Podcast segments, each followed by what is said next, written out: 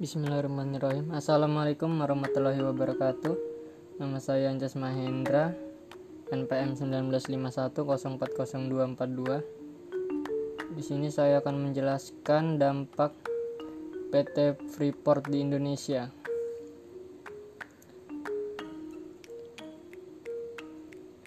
PT Freeport Indonesia telah beroperasi di Indonesia tepatnya di Papua sejak tahun 1967 Berbagai kontroversi mengiringi keberadaannya dari dulu hingga sekarang, dari isu seputar pengerusakan lingkungan hingga ke kondisi masyarakat Papua yang miskin, kontras dengan kondisi kompleks Freeport yang lengkap, sarana prasarana bersumberkan kekayaan alam milik masyarakat Papua itu sendiri.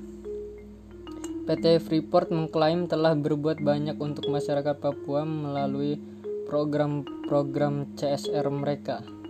Akan tetapi, kontroversi itu tidak kemudian surut, malah suara-suara untuk menutup PT Freeport Indonesia yang datang dari penduduk asli maupun nasional masih cukup gencar. Tulisan ini bermaksud memberikan tinjauan kritis terhadap program CSR PT Freeport Indonesia pada masyarakat Papua. Berdasarkan laporan bertajuk berkarya, menuju pembangunan berkelanjutan 2005 yang dibuat PT Freeport untuk tujuan publikasi. Kenyataannya melalui dua tambangnya Erzberg pada 1967 dan Grasberg pada 1988 di kawasan Tembagapura, Kabupaten Mimika, Provinsi Papua menjadikan PT Freeport sebagai perusahaan penghasil emas terbesar di dunia dan sekaligus sebagai pembayar pajak terbesar kepada Indonesia. PT Freeport Indonesia adalah sebuah perusahaan pertambangan yang mayoritas sahamnya dimiliki Freeport, McMoran Cooper, dan Gold, Gold Inc berkembang menjadi perusahaan dengan penghasilan 2,3 miliar dolar Amerika Serikat. Menurut Freeport, keberadaannya memberikan manfaat langsung dan tidak langsung kepada Indonesia sebesar 33 miliar dolar dari tahun 1992 hingga 2004. Angka ini hampir sama dengan 2% PDB Indonesia dengan harga emas mencapai nilai tertinggi dalam 25 tahun terakhir, yaitu 540 dolar per ons. Freeport diperkirakan akan mengisi kas pemerintah sebesar 1 miliar dolar, sehingga kilas balik sebelum PT Freeport memasuki wilayah suku Amukme. Salah satu suku yang mendiami Papua itu, mereka memiliki kepercayaan bahwa tanah mereka adalah keramat dan secara adat tidak diizinkan untuk dimasuki. Tetapi pada tahun 1971, PT Freeport berhasil masuk ke daerah keramat ini dan membuka tambang Erzberg. Sejak tahun itulah warga Amukme dipindahkan keluar dari wilayah mereka ke wilayah kaki pegunungan. Tambang Erzberg habis pada tahun 1989 dilanjutkan dengan penambangan pada wilayah Grasberg dengan izin produksi yang dikeluarkan Mentamben Ginanjar Kartasasmita pada 1996 dalam izin ini, tahun tercantum pada amdal produksi yang diizinkan adalah 300.000 per ton per hari. Diperbarui lagi izin kontrak karyanya hingga akan berakhir kelak pada tahun 2041. Papua adalah sebuah provinsi Indonesia yang terletak di bagian tengah pulau Papua atau bagian paling timur West New, New Guinea, Irian Jaya. Belahan timurnya merupakan negara Papua New Guinea. Provinsi Papua adalah Provinsi Papua dahulu mencangkup seluruh wilayah Papua bagian barat, sehingga sering disebut sebagai Papua Barat terutama oleh organisasi Papua Merdeka atau OPM. Para nasionalis yang ingin memisahkan diri dari Indonesia dan membentuk negara sendiri pada masa pemerintahan kolonial Hindia Belanda. Wilayah ini dikenal sebagai New Guinea Belanda atau Netherlands New Guinea atau Dutch New Guinea.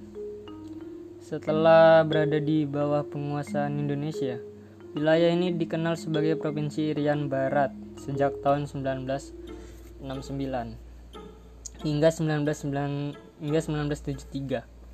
Namanya kemudian diganti menjadi Irian Jaya oleh Soeharto pada saat meresmikan tambang tembaga dan emas Freeport. Nama yang tetap digunakan secara resmi hingga tahun 2002. Nama provinsi ini diganti menjadi Papua sesuai Undang-Undang Nomor 21 Tahun 2001 tentang otonomi khusus Papua pada tahun 2004 serta oleh berbagai protes Papua dibagai, dibagi menjadi dua provinsi oleh pemerintah Indonesia. Bagian timur tetap memakai nama Papua, sedangkan bagian baratnya menjadi Provinsi Irian Jaya Barat. Sekarang Papua Barat, bagian timur ya inilah yang menjadi wilayah Provinsi Papua pada saat ini. Kata Papua sendiri berasal dari bahasa Melayu yang berarti rambut keriting. Sebuah gambaran yang mengacu pada penampilan fisik suku-suku asli, kelompok suku asli di Papua terdiri dari 255 suku dengan bahasa yang masing-masing berbeda.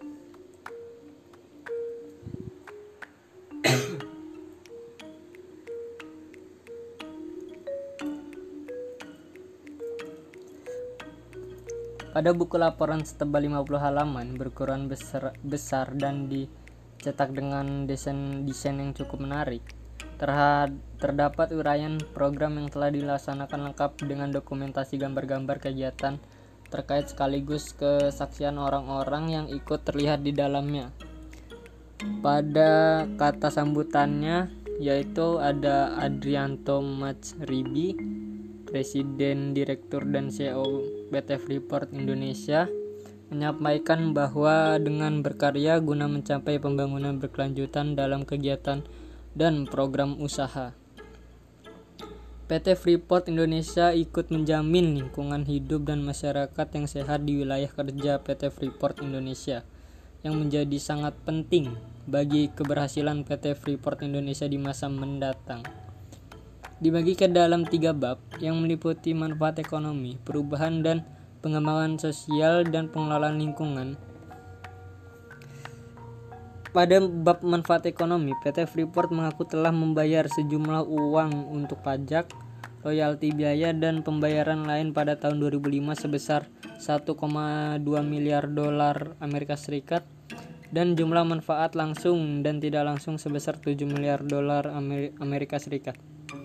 Jika dikalkulasikan pembayaran selama 1992 hingga 2005, PT Freeport telah menyumbang untuk pajak dan lain-lain senilai 3,9 miliar dolar Amerika Serikat. Sementara untuk efek berganda kontribusi PT Freeport Indonesia adalah sebesar 40 miliar dolar.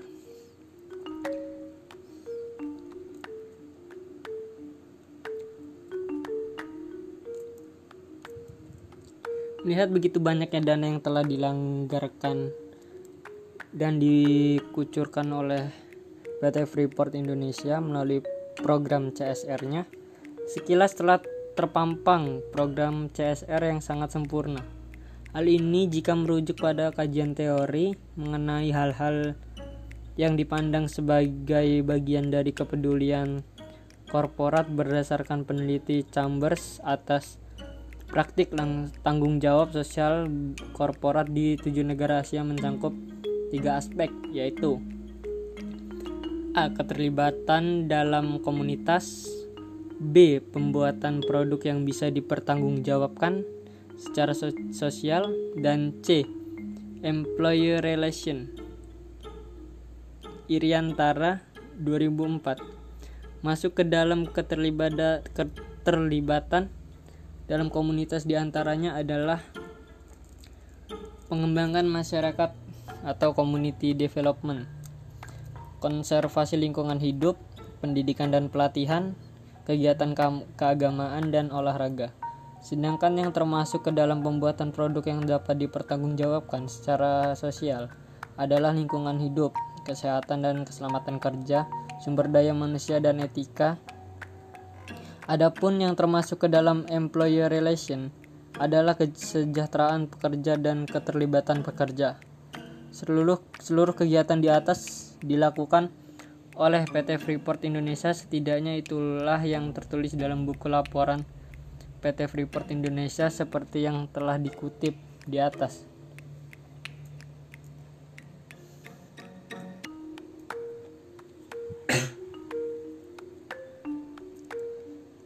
Seperti disinggung di awal tadi, bahwa PT Freeport Indonesia masuk ke Indonesia itu melalui program kontrak karya atau KK sebagai pengejawantahan program pemerintah saat itu menarik untuk investasi asing untuk mengelola sumber daya alamnya.